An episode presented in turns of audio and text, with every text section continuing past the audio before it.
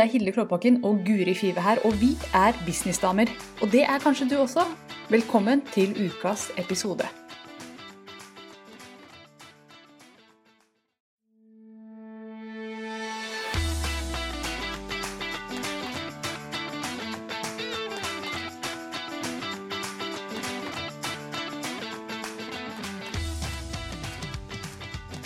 Sånn, da er vi live. Vi skal snakke om meninga med livet i dag. Så det, er en, eh, det er en stor episode. Tittelen på dagens episode det er 'Du har ett liv, hva skal du bruke det til?' Mm. Hva, hva tenker du sånn umiddelbart når jeg sier det, Guri? Bare for å få i gang praten her. Jeg syns det er vanskelig.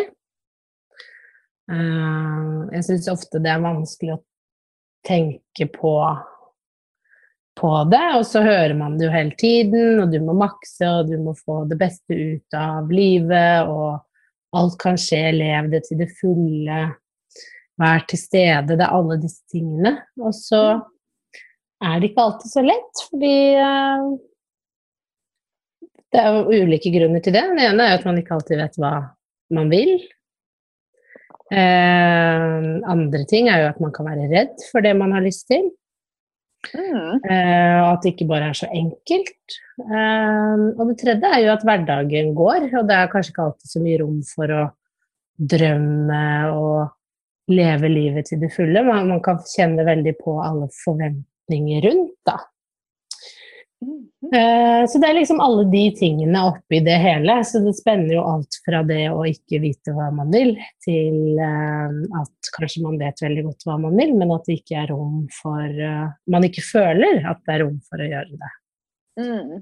Jeg tror faktisk at man til en viss grad alltid vet hva man vil, men enten ikke tør innrømme det fordi at det virker så urealistisk, eller at man går rundt og tenker at jeg vet ikke, jeg vet ikke, jeg vet ikke, i stedet for å tenke OK, men det er jo signaler overalt. Jeg vet hva jeg ikke vil. Da har jeg i hvert fall noe informasjon, så kan jeg begynne der og jobbe med det. Jeg, altså, personlig så har jeg også vært på et sted hvor jeg bare vet at jeg vet at jeg ikke vil være i den jobben her når jeg skulle slutte, altså når jeg var Jeg har jo jobba så vidt i mitt liv. og jeg kjente på at det var feil. Men jeg visste ikke helt hva som var riktig. Jeg kjente jo åh, jeg er gründer, det er noe annet jeg skal gjøre, jeg skal starte en bedrift. Men jeg visste ikke hva det skulle handle om. Mm. Og bare den der følelsen av at ok, livet mitt det renner ut mellom fingrene mine hver gang jeg er, hver eneste dag jeg er i denne jobben her. Mm. Uh, og det var en utrolig sterk følelse av å være kjempeforvirra, men samtidig vite at det er ikke det her jeg skal gjøre, det er noe annet. Mm. Og så var det, og du har også vært der, at du har kjent på en sånn hm, jeg har lyst til å gjøre noe eget, men jeg vet ikke helt hva det er. Mm. Ja, men eh, når du sier at du liksom uh, sluttet, og, og du visste at du ikke ville gjøre det med noe annet, hva fikk deg på en måte til å føle en trygghet rundt at det var det riktige? Uh, nei, altså det var jo en lang prosess. Jeg kjente på OK, jeg har lyst til å gjøre noe annet. Og så begynte jeg å tenke på hva er det jeg kan? Mm. Hva er det jeg kan? Hva er det jeg liker å gjøre? Og hva er det markedet er villig til å betale for? Og i Mm. overlappingen mellom de tre, der lå det to muligheter for meg.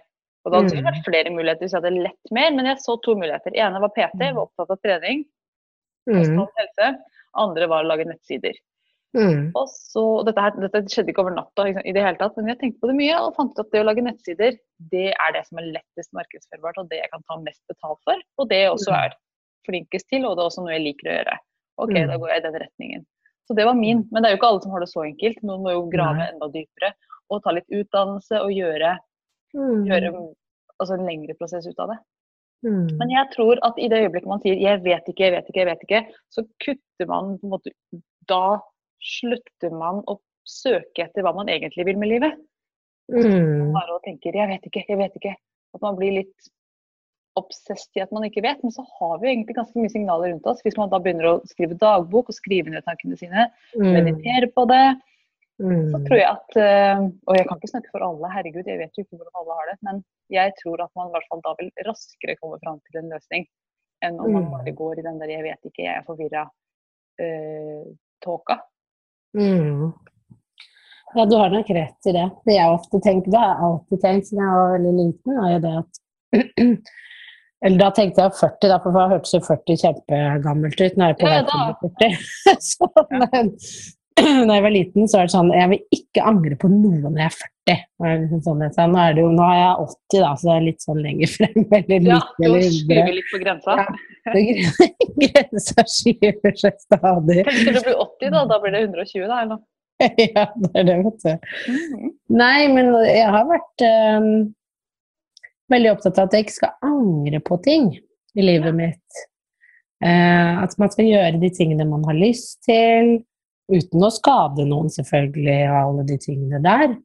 Eh, eller at det skal gå utover noen andre. Ikke noe sånt, men, men at man skal eh, ikke la seg begrense fordi man er redd for noe. Fordi eh, jeg husker jo ennå eh, sånn skoleoppvisning på barneskolen hvor jeg feiga ut i siste øyeblikk. Og det irriterer meg den dag i dag. Å ja, hva var det du skulle, og hva skjedde? Jeg skulle eh, synge med venninner. Um, og begge de to andre gikk opp, og jeg bare ble sittende. Bare, det skjer ikke. Det var, skoleavslutning på ungdomsskolen eller noe. Ja. Og det er liksom sånn jeg har tenkt på i ettertid, at det irriterte meg at jeg bare altså, Ja, det var ukomfortabelt, og vi har snakket om det å være ukomfortabel og sånn før. Eh, men det gjorde også at jeg var blitt veldig opptatt av at jeg ikke skal la meg stoppe av at ting er ukomfortabelt og av frykt. Fordi hvis Ja, det er jo tydeligvis noe i meg som hadde lyst til å gjøre det. Mm. Eh, og det tror jeg jo Det er sikkert flere som meg som opplever det. ikke sant? At man har lyst til å gjøre noe, men så er man kanskje redd for å gjøre det. At man stopper seg selv litt. At man tenker at ja, det er lett for alle andre å gjøre sånne ting, men ikke for meg. Jeg kan ikke bli fotballproff, jeg, ikke sant. Fordi eh, det er andre forventninger om at jeg skal bli sykepleier, eller gud veit, ikke sant. Mm. At uh, man kanskje lar seg stoppe, da. Litt av sine egne tanker. Ja, jeg tror det ligger masse der. At man i stedet for å ha mot nok til å tenke 'hvordan kan jeg få det her til', så tenker man på alle grunner til å ikke gjøre det. Mm. For da slipper man jo å gjøre det, ikke sant? Mm. Ja, Og så, ja, ja. og så plasserer man også ofte ansvaret litt utenfor seg selv. Nei, men de forventer det av meg. Og, Mm. øh, og samfunnet er jo ikke bygget opp til at jeg skal kunne gjøre dette her. Og så plasserer man Mm. alt ansvar utenfor seg selv, og så sitter man der da når man er 99 og tenker at åh, jeg, jeg burde jo kanskje ha gjort alt det jeg drømte om. mm. Jeg vet ikke Jeg tror at det verste man kan sitte og tenke på når man er gammel, er bare åh, nå, er nå har jeg ikke igjen mer liv. Og så glemte jeg å gjøre de tingene jeg hadde lyst til. Bare Mm. safa meg gjennom livet. Det virker jo så utrolig trist om man skal havne der, men jeg tror det er så mange av oss som bare ikke tenker. Vi bare går i en sånn tralt Mm. eh, og ikke stopper opp. Jeg har begynt å tenke veldig mye det siste på hvilke verdier var jeg opptatt av, hvem vil jeg være, hvilke mål har jeg for livet. Jeg tenker innimellom på de tingene, da. Eh, og jeg tror alle kan ha lurt av å gjøre det, for det sier jo også litt om hvilken Da kan man jo justere litt på den retningen man går, da. Så man passer på at man går litt den veien man ønsker. Og at man er på vei, og at man har et bevisst valg, sånn at man ikke bare når 80. Så hadde livet gått, da. Mm. 99, da. Um, Jeg planlegger å bli veldig gammel, så jeg tenkte jeg, planlegger 80, og du 99, så det ja, er, jeg på, en det er godt at jeg planlegger over 40 nå, da. Ja, det er bra det i hvert fall at du har kommet over den kneika. Ja, tenk det. Men, men, men jeg digger det du sier om at vi bare går i en tralt. Og jeg Mm. tror at veldig mange bare føler at ok, de veggene på den tralten jeg er i nå, de er så høye. Det går ikke an å Mm. komme seg ut av den uten å skade familien, skade Mm. uten å måtte selge huset, bo under en, en bru. Og så Mm. ja, men har du tenkt på de mulighetene som finnes? Har du tenkt på, ja, men hva med en deltidsjobb, for Mm. eksempel? Så du kan bruke tid på businessen. Og nå prøver vi å, ja, nå snakker jeg plutselig business, men dere skjønner jo det. Ja, ja. Vi er jo businessdamer. Så det er jo Mm. gjerne det som er tanken til de som hører på det her, at de har lyst til å starte noe eget. Mm. Eller går det an å ta opp et lån? Det går faktisk an å ta opp lån for å starte bedriften sin. Det syns jeg er Mm. morsomt. Eh, vi tar gjerne opp lån for å eh, ta studier. Det er helt greit, det er forventa, alle gjør det, ikke noe problem, ingen som blunker. Men i det øyeblikket du må gå inn og få hjelp for å starte din egen bedrift, da er det sånn Nå gjorde du det! Du kødder nå! Og det syns jeg er helt utrolig merkelig. Ikke bare merkelig, men det er bare blitt en sånn sannhet som bare ligger over samfunnet om at man skal ikke ta opp lån for å starte opp bedrift, med mindre man skal liksom, ha investor eller noe sånt. Men jeg tenker hæ? Det er jo helt normalt å ha nærmere en million i uh, studiegjeld nå. Mm. Mens det å ta opp noen hundre tusen i lån skal starte egen bedrift, det er det veldig få som gjør. Og det tenker jeg, hæ? Det er jo så mot sin hensikt. Så hvis du tror på deg selv, så satser du jo der også. Men det er vel at studier Ja. føles tryggere å ta enn det å starte på en egen bedrift. Sånn at det Mm. føles mer fornuftig å bruke penger på studielån. Mm. Jeg vet ikke, men jeg bare syns det er en interessant eh, greie. Er veldig interessant, egentlig. Jeg tror nok vi er litt, eh, litt uh, engstelige for de tingene der det virker altså Det er jo det vi snakket om tidligere, at man ofte kobler liksom dette med hvor mye er jeg verdt, til, eh, til det å ta penger. Da. Så vi snakket om uh, ta seg godt betalt i forrige episode. Det samme gjør man nok litt til bedriftene. ikke sant? At nei, men ingen vil jo bruke pengene sine på Jeg kan jo ikke låne penger. og At man må ha så mye selvtillit for å kunne stå inne for det. Selv, Mm. Å ta opp noe studielån trenger man jo ikke så mye selvtillit for, for det gjør jo alle. Men det å si at jeg tror så mye på meg selv og ideen min at dette skal jeg gjøre, for du Mm. vet at du sikkert eh, fra familier og venner vil få litt sånn Har det rabla for det? Mm. Hva er det du driver med nå? Ja. Vi er jo ikke en veldig støttende kultur i Norge på gründerskap, tror jeg. Nei, også jeg, jeg vet ikke. Er vi ikke en veldig støttende kultur, eller tror vi bare at vi ikke er det? Jeg har ikke Ja, det kan være. noe negativt i forhold til det å starte bedriften min. Det kan godt hende folk har rista fælt på huet uten at Mm. jeg har sett det, men ingen har sagt noe kjipt til meg i hvert fall. Alle har vært så støttende. Nei. Det kommer litt an på hva slags bedrift du skal starte, tenker jeg. Når du Ja. starter noe veldig alternativt, så kan nok hende at du får litt mer feed, feedback Ja. som kanskje ikke er så positiv. Jeg vet ikke. Nei, det kan nok hende at eh, Jeg har jo bare opplevd positive kommentarer, jeg også, så, så ikke noe for det. Men jeg får veldig ofte høre 'det hadde jeg aldri turt', eller eh, ja, og at du tør, eller så bare sånn Ja, men hvis man har en idé så, altså sånn, jeg, jeg tror vi har veldig mye begrensninger hos oss selv, da, Mm. Ja, det tror jeg også. på, på de tingene der. Ja, og det, jeg har faktisk ikke tenkt på det før enn jeg sa det nå, men det er jo veldig Jeg har tenkt litt på dette, har jeg. Men det, det, dette med lån Jeg bare syns det er en spennende tanke at vi tror ikke nok på oss selv til å ta opp lån til å starte bedriften, men vi, men vi tenker at å, nå skal jeg utdanne meg til, eh, til radiograf. Mm. Da kan man plutselig pumpe masse penger inn det. Er jo sannheten at det, det er ikke veldig mange radiografstillinger der ute. Så halvparten av klassen kommer ikke til å få jobb. Men det driter vi i. Mm. Det. Og, og det er sånn Det er egentlig litt skrudd. Og jeg kjenner at jeg blir litt sånn Kom igjen, da! Men det er litt interessant, fordi når jeg gikk journaliststudiet, så det er jo også det samme Alle, alle sa det. Eller, og jeg visste jo det, jeg også.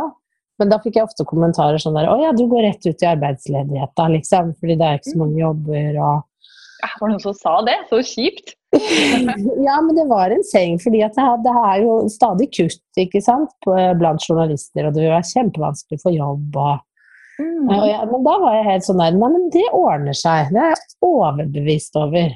Det er rart at man har den, eh, den gutsen og den tanken knyttet til, eh, til studiet. For da var det sånn ja, men Hvis jeg ikke kan gjøre det, så bare gjør jeg noe annet.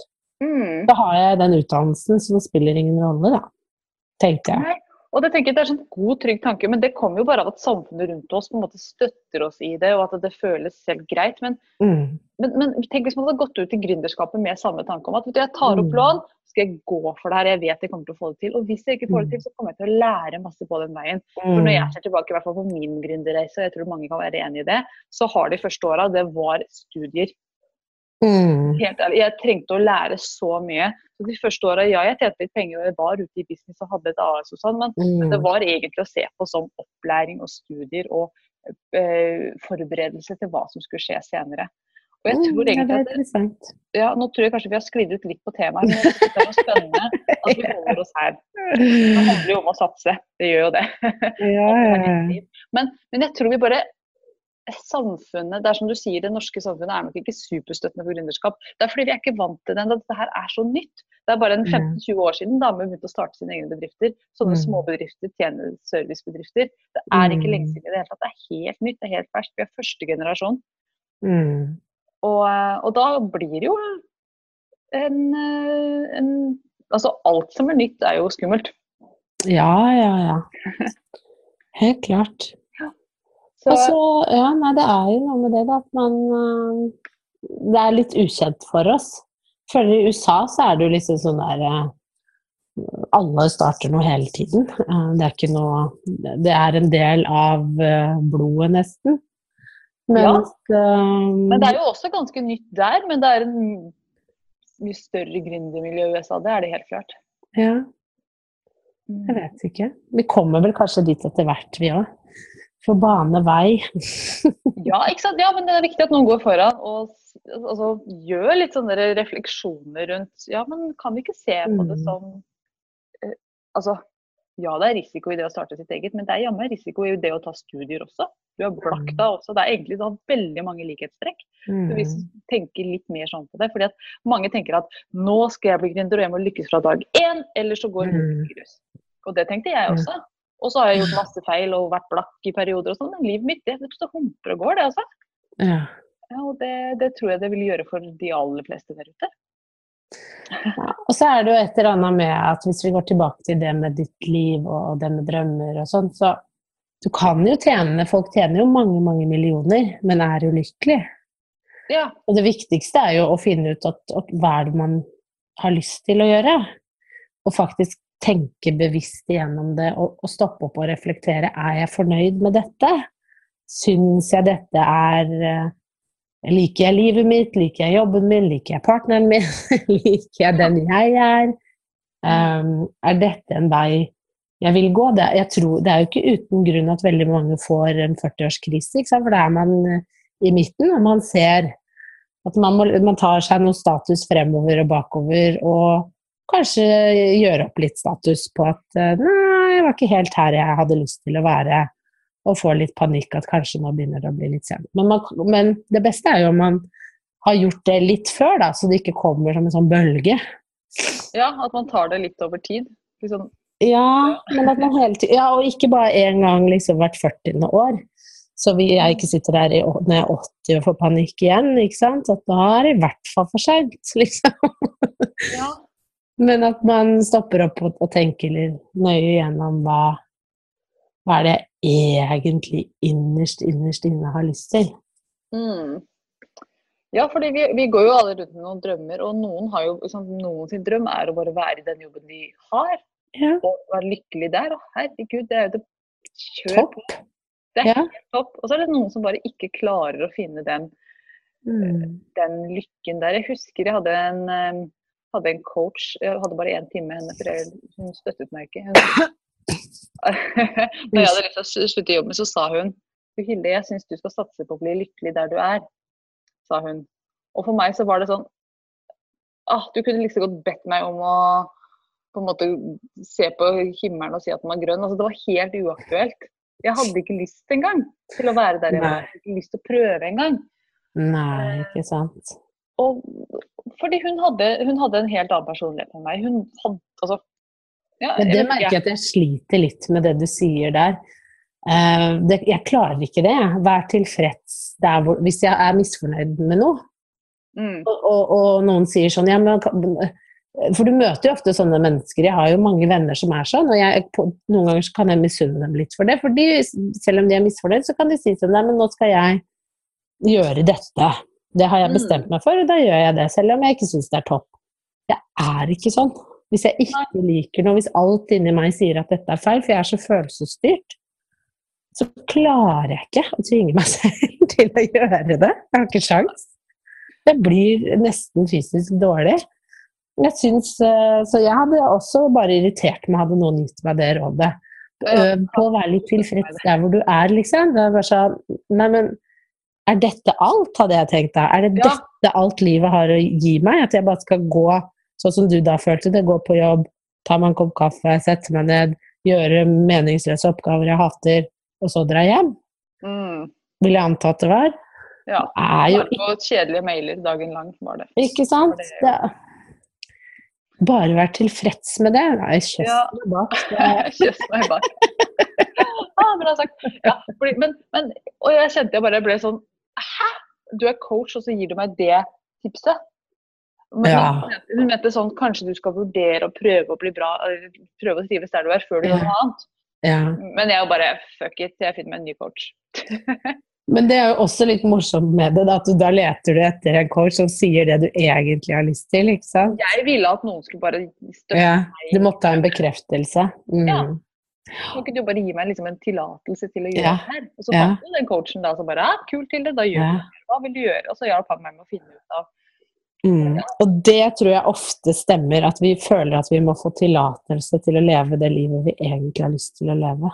mm. Av både oss selv og av andre rundt. Ja. Og spesielt kanskje andre rundt, for jeg tror det er sånn som du sier, at man har bestemt seg litt selv. Men jeg tror ofte Ja. at man trenger en utenforstående som sier det skal du gjøre. Mm. Som, man har, som har litt tyngde, da. Det kan ikke være hvem som helst. Nei, nei, nei. Jeg følte, når jeg gjorde dette, så var jeg 25 var jeg, så jeg følte meg jo ung og den liksom yngste på arbeidsplassen og sånn, så jeg var jo Mm. den der som ikke passet inn. Og så fikk jeg en voksen person til å si, Ja. den som er så på som voksen, Ikke sant? Uh, som var over 40, til å si at ja, Hilda, vet du det det er en god idé, tror jeg kommer til å passe deg utmerket. La oss nå se på mulighetene. Å, det var deilig å høre det for den som bare fulgte etter å kjøre på. Fordi det er jo sånn, jeg jo, har jo blitt så spirituell i det siste. Ja, stemmer. jeg, stemmer. ja, husker du det? Så, Jeg så jeg tror jo det at universet eller Gud eller hvem det er, da. Gudinne. Jeg tror Mm. det er en dame, selvfølgelig. Eh, Men jeg tror, eller jeg vet at de, jeg, vi har en lengsel inni oss som er plassert der av noe større enn oss selv.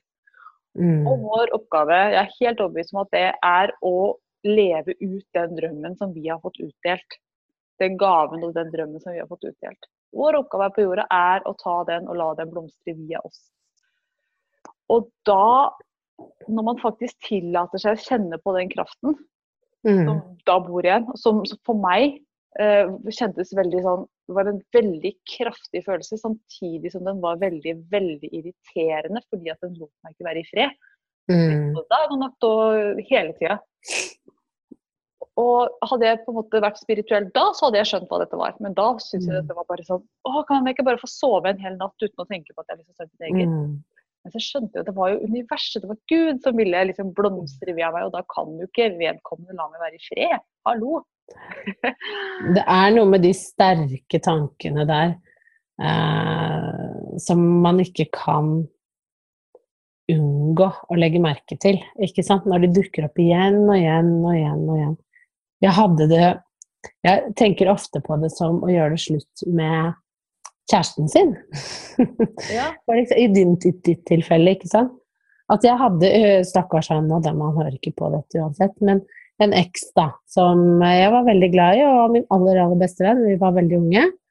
Det er jo 20 år siden eller noe. Men hvor jeg husker jeg våknet hver morgen og tenkte jeg kan ikke være sammen med han. Og jeg tenkte over lang tid. Det var ikke noe gærent, men jeg var bare ikke Det var ikke han jeg skulle være sammen med. Ehm, og eh, til slutt så tok jeg motet til meg og gjorde, gjorde det slutt, ikke sant. Og så gikk det jo noen måneder, og så møtte jeg jo Christian, som jeg er gift med i dag. Ja. Så Ja, det tror også å, Nå avbryter jeg deg. det er helt fint. Men det tror jeg også er en stor del av det. At man skal Ok, men du må faktisk slutte i den jobben hvis du skal Mm. altså, rydde plass til å gjøre det Mhm. til å gjøre i livet ditt. Så Mm. lenge, og Det er derfor det er så, man har den der følelsen av at det er feil, og det det er irriterende, og er, jeg må gjøre noe med det, men jeg tør ikke. Altså, grunnen til at man har den følelsen av at man må gjøre noe, er jo at universet prøver å rydde plass i Mm. livet ditt, så du kan få tid og rom og kapasitet til å jobbe med gaven din og det du egentlig har lyst til å drive med.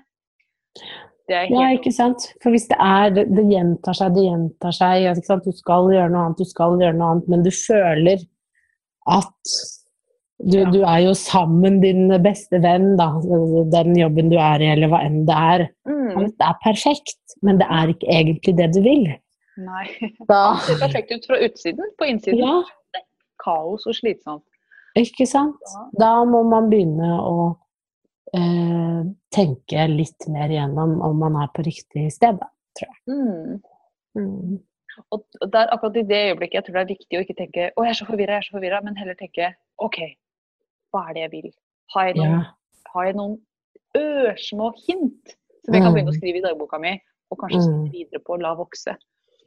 Og jeg, jeg Mm. møter mange gründere som sier sånn, eller mange wannabe gründere som sier jeg vil starte noe eget, men jeg vet ikke hva det er. Og som Mm. har på en måte vært i det i mange år. Og da, og så spør jeg liksom, ja, men har du, på en måte, har du kategorisert tankene dine? Har du, har du, har du jobba det gjennom hva du kan, hva du er god på, hva du liker å drive med, og hva markedet Mm. kanskje ville vært betalt for? Så har de liksom tenkt at ja, men jeg har ikke vært noe systematisk på det, for jeg vil bare at den Mm. ideen skal ramle ned, den krystallklare, gode ideen. Bare Ja. ping, kan dukke opp. Men det er det veldig sjelden at den gjør. Ja, ja, ja. Eh, Man må, ta noe, man må ta litt grep. Ta actions. Ta aksjon i livet Mm. ditt. Og jeg har jo et Mm. sitat her, jeg. Ja. som jeg syns er veldig fint. Som er if, it is, if it's meant to be, it's up to me. Mm. Sa William H. Johnson, som var uh, afroamerikansk maler. Og han var, jo, uh, han var jo en av de som sikkert måtte ta noen risikoer for å kunne leve ut kunsten sin. Og Mm. jeg synes det er fantastisk. If it's meant to be, it's up to me. Vi må ta grep selv. Det er ingen som kommer til å si at du, nå ser jeg at du ikke trives helt i jobben din, ut med deg. Her har du tre års lønn. Uh, go play. Det kommer ikke til å skje. Det skal mye til. ja, det skal det. Ja. Og så er det, altså, jeg tror også det er en del, dette er litt på siden, men en del gründere som har en god jobb, som går og venter litt på å, men det er omorganisering, kanskje kan jeg ta en sluttpakke om tre Mm. år, eller et eller annet. Men skal du virkelig kaste bort tre år til av livet ditt? For vi gjentar, du har ett liv. Hva skal du bruke det til? Skal du bruke det på å vente på en sluttpakke som kanskje aldri kommer? Eller på Mm. en sånn mm, port ut av arbeidslivet? Jeg tror vi bare må skape den selv. Mm. Ja, man må ta, ta grep. Jeg tror ikke det hjelper å sitte og vente på at noen andre skal løse det for en. Nei. Det funker sjelden, da. Det har jeg aldri hørt om noen som har fått til. Noensinne. Det tror jeg ikke. Så det er jo, men da igjen kommer litt tilbake til det her OK, men nå skal jeg starte noe eget. Og så kommer alle disse krisetankene. Men man kan jo kanskje tenke litt annerledes på det. tenke, ok, men Nå skal jeg faktisk vite, nå skal jeg utdanne meg til noe annet. Nå skal jeg utdanne meg til gründer. Og jeg skal bruke Mm. penger på det. Mm. Eh, Det er et godt poeng. jeg elsker den tanken. Skulle ønske jeg hadde den før jeg slutta. Eh, Ja, det hadde jeg kanskje også. Jeg, nei, jeg tror ikke det. Jeg følte at jeg måtte Hva tenkte du da? At, Og jeg eh, tenkte at å, dette kommer til å Jeg må tjene penger fort, ja, sånn, ja. Mm. tenkte jeg. Og det gjorde jeg jo lite grann. Og litt opp og ned.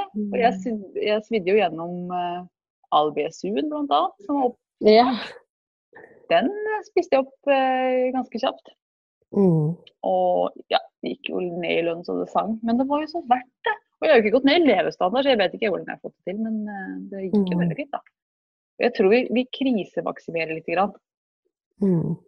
når man har masse, masse muligheter til å ja, Kanskje kan du få avdragsfrihet på huslånet, kanskje har du BSU-konto som bare står der og, og Mm. føles trygg, som du kan bruke av. Kanskje kan du Mm. leve mye billigere enn hva du gjør i dag.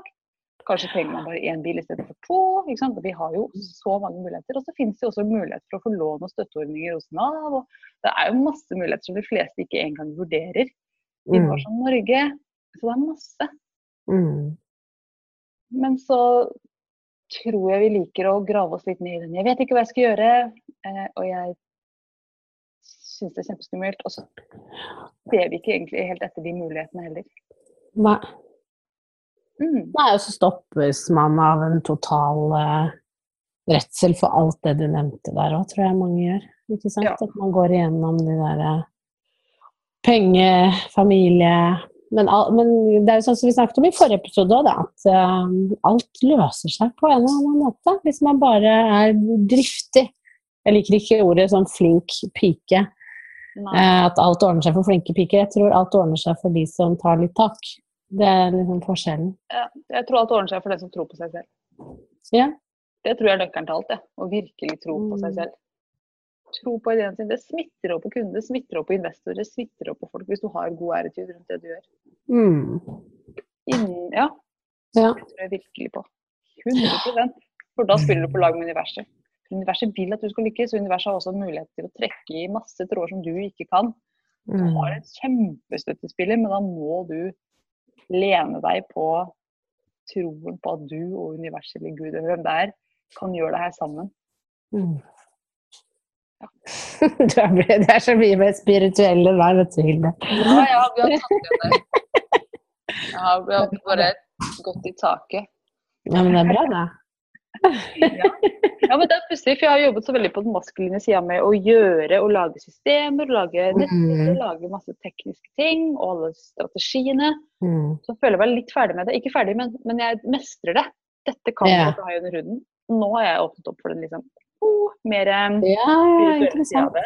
Ja. Og jeg kjenner at ah, der var det deilig å være. Dette trengte jeg nå. Og dette er Ja. kjempeviktig å snakke om. Jeg snakket mye mer om det i begynnelsen av Girl of Fire-karrieren min, men så la jeg det litt bort. Nå er jeg tilbake der. Man Mm. trenger begge sidene, både den maskuline og den feminine. Både den som er mer soft og, og, og spirituell, og den Mm. som er strategier og Mm. how to. Det er nok en eh, god eh, balanse, det, å ha begge deler. jeg. Ja, det tror jeg man må skal man lykkes, faktisk. Ja. Ja da.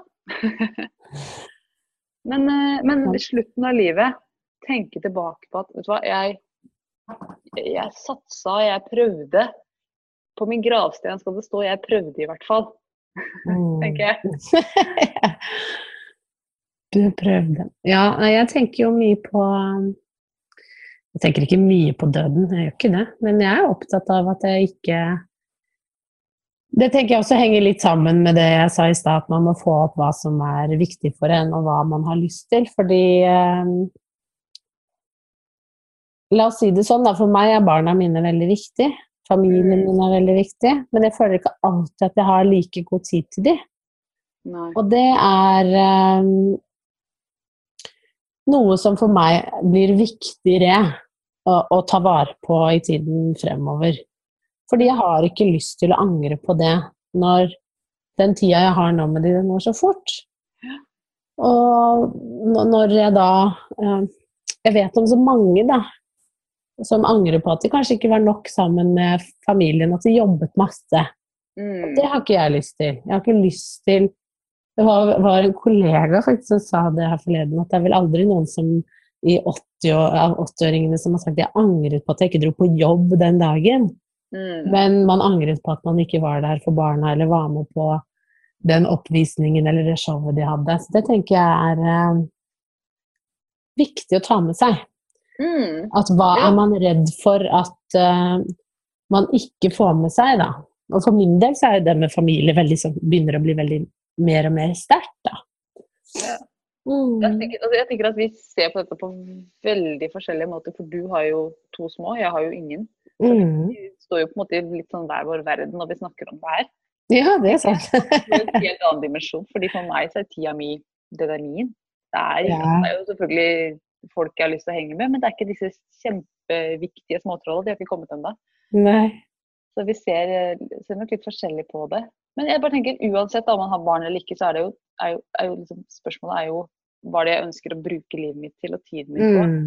Og det å bli gründer tar jo mye tid, så det er også en del av Mm. det. Ok, Kanskje jeg bare skal være i den jobben her nå og, og slappe av i den.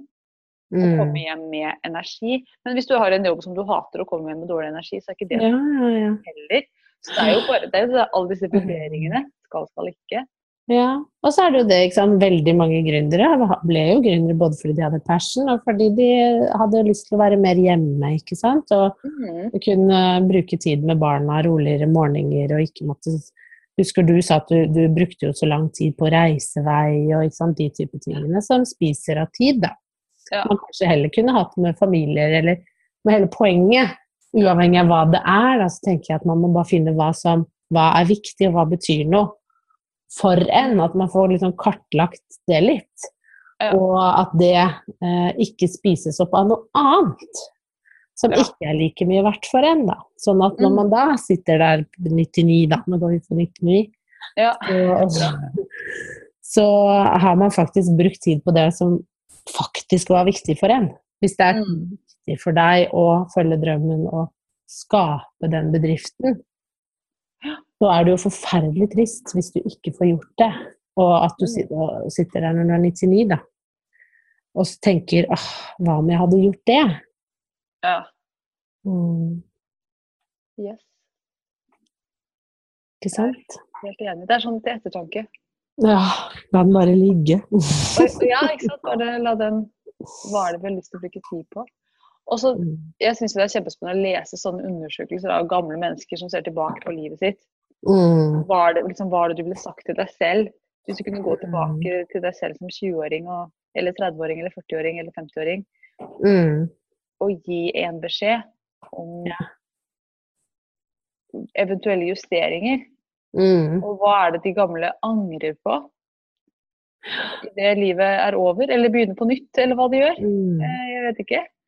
Men, men at de Jeg, jeg syns det er kjempespennende, og det vil jeg jo anbefale alle å lese litt sånne undersøkelser. fordi at det de fleste sier, er jo ta det med ro.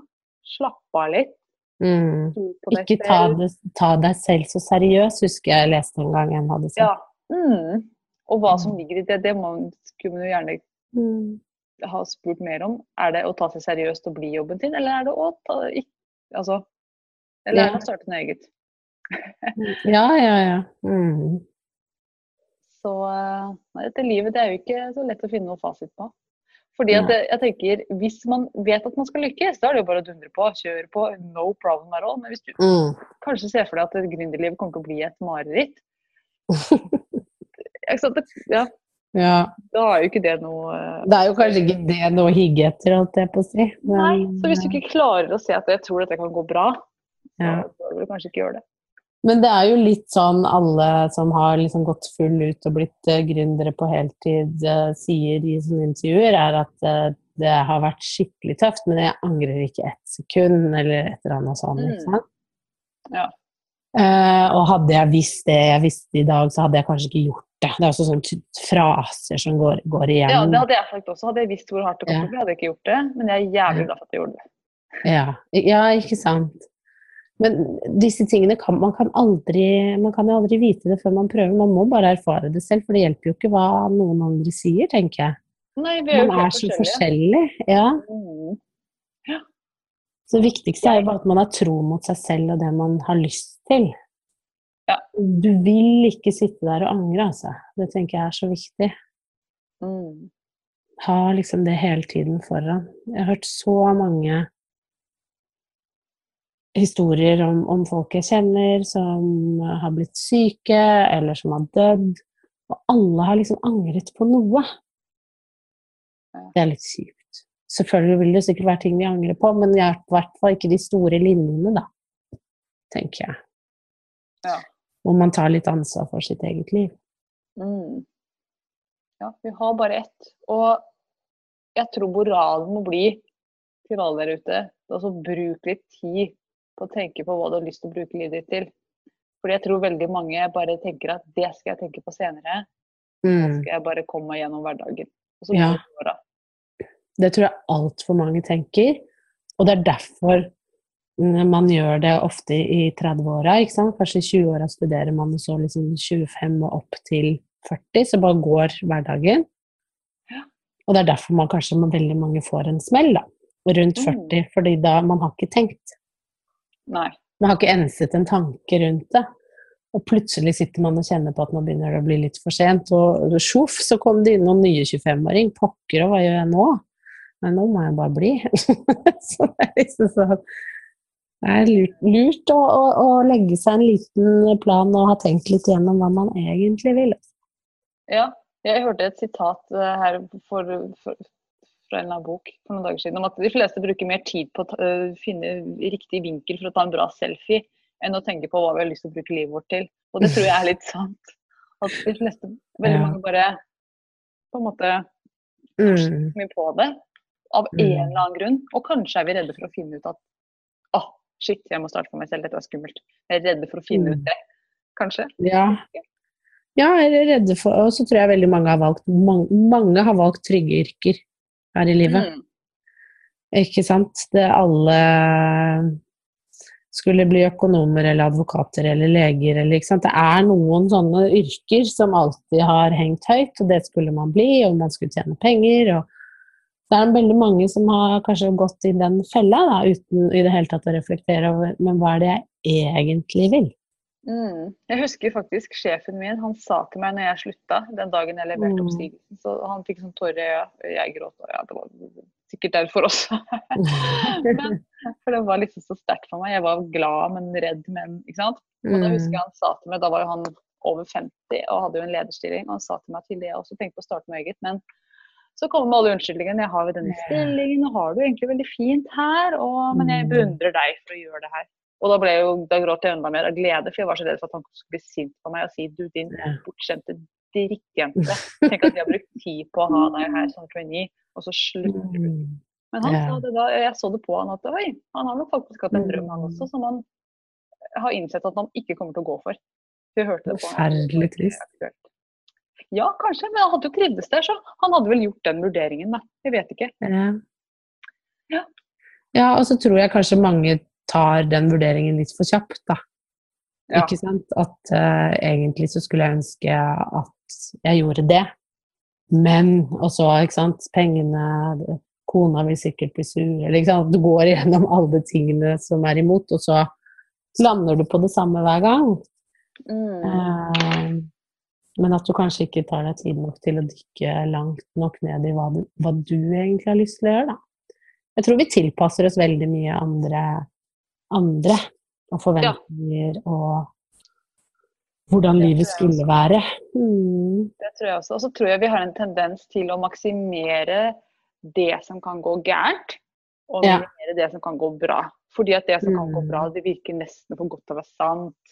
Og vi Mm. har aldri opplevd det før, men vi vet at det som kan gå gærent, det har vi kanskje altså Det har vi på en måte mer bevis for at kan komme til å skje. Da. Jeg vet at huslånet blir trukket hver måned, og at det da må være dekning på konto. Men jeg vet ikke om jeg kommer til å få inn penger hver måned. Det vet Mm. jeg ikke. Det er bare en, en drøm, en tanke i framtida. Men jeg vet at huslånet, det, Ja, det er ganske sant. den er bankers. vil, vil mange ha pose og sekk ofte, ikke sant? At man vil ha den samme standarden og de samme tingene. Eh, men skulle gjerne hatt alt det og holdt på med, med hobbyen eller drømmen sin, da. Men ikke miste alt det andre som gjør livet veldig godt å leve. Mm. Jeg husker coachen min sa til meg at Hilde, nå må du sannsynligvis gå ned i lønn en stund. Gå Mm. ned i betaling mens du bygger opp bedrift. Da tenkte jeg skal jeg vel ikke? Jeg hørte ikke. Altså, den tok ikke jeg til meg, Den men han hadde jo helt rett. ja. Du må ta et steg ned for å kunne ta et steg opp igjen. Ja. Men jeg bare nope. Ikke sant? Litt sånn. Ja. Men han hadde jo helt rett. Jeg hadde den. ja. Han prøvde bare å forberede meg, men jeg ville ikke egentlig høre. Men jeg må jo ha hørt det. Jeg husker det jo seks år senere, så jeg må jo ha hørt litt etter. Ja. ja, nei, jeg kom på en historie fra i sommer, var i bryllup, og da begynte jeg å diskutere med en, eh, kjæresten til en venninne av meg. For han har en kjempefin og godt, veldig, veldig godt betalt jobb, og de har et flott hus og liv og alt mulig. Hvis han kunne valgt, han, så ville han vært anleggsgartner. Og jeg ble så sur, for jeg bare, jeg bare Bli det, da! Nei. Hvis han kunne valgt. Å ja, så han ble tvunget han, til å jobbe der han var. Ja, altså sånn, sånn som han liksom la det frem, så, så var ikke det egentlig et reelt valg for han å gjøre det. Og det fyra jo opp meg helt, da, vet du. For jeg bare Men jeg skjønner det ikke hvis det er det du drømmer om! Jeg bare klarte jo ikke å sette meg inn i hans ståsted. Og så var det liksom noen av venninnene mine som prøvde å skjønne han, da. Og da, da tror jeg nok det handlet om at uh, hvis han kunne hatt alt sånn som Han vil også ha det livet han har i dag, og det fine huset og, og tjene de gode pengene. Mm. Han var ikke villig til å gi det opp for å annet- for å få det han egentlig kunne tenke seg å gjøre. Ja, det er interessant. Tror, det er også at mange tror at de ikke har et valg.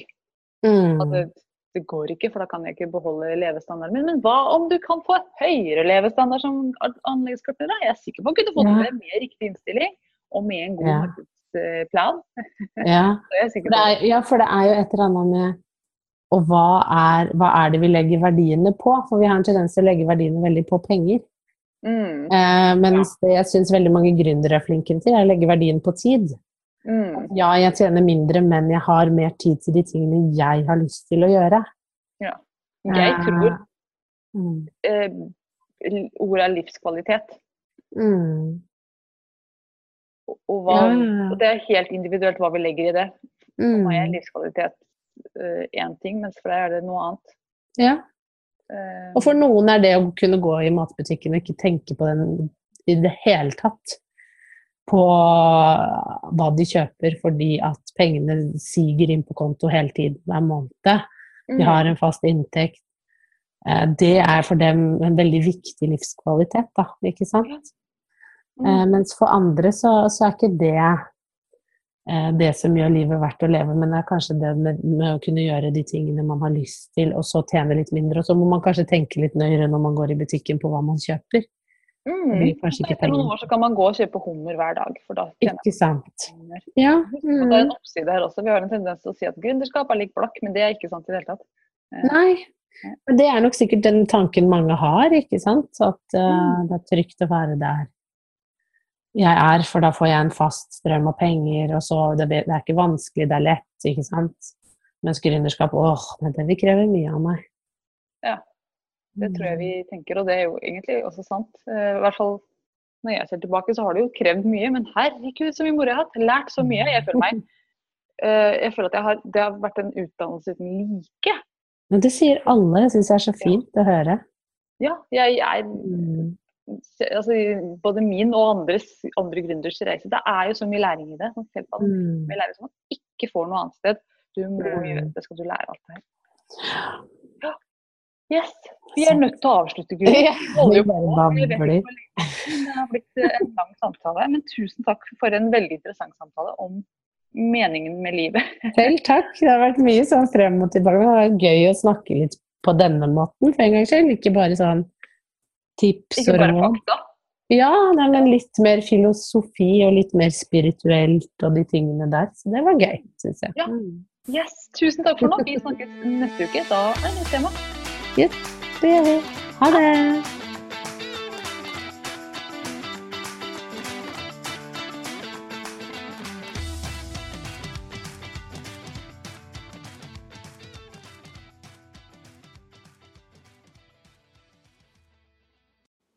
Nå har du hørt ukas episode med Businessdamer, og hvis du vil at en av oss skal hjelpe deg med å få mer suksess i din business, så kan du sjekke ut businessdamer.no samarbeid. Takk for nå, vi ses neste uke.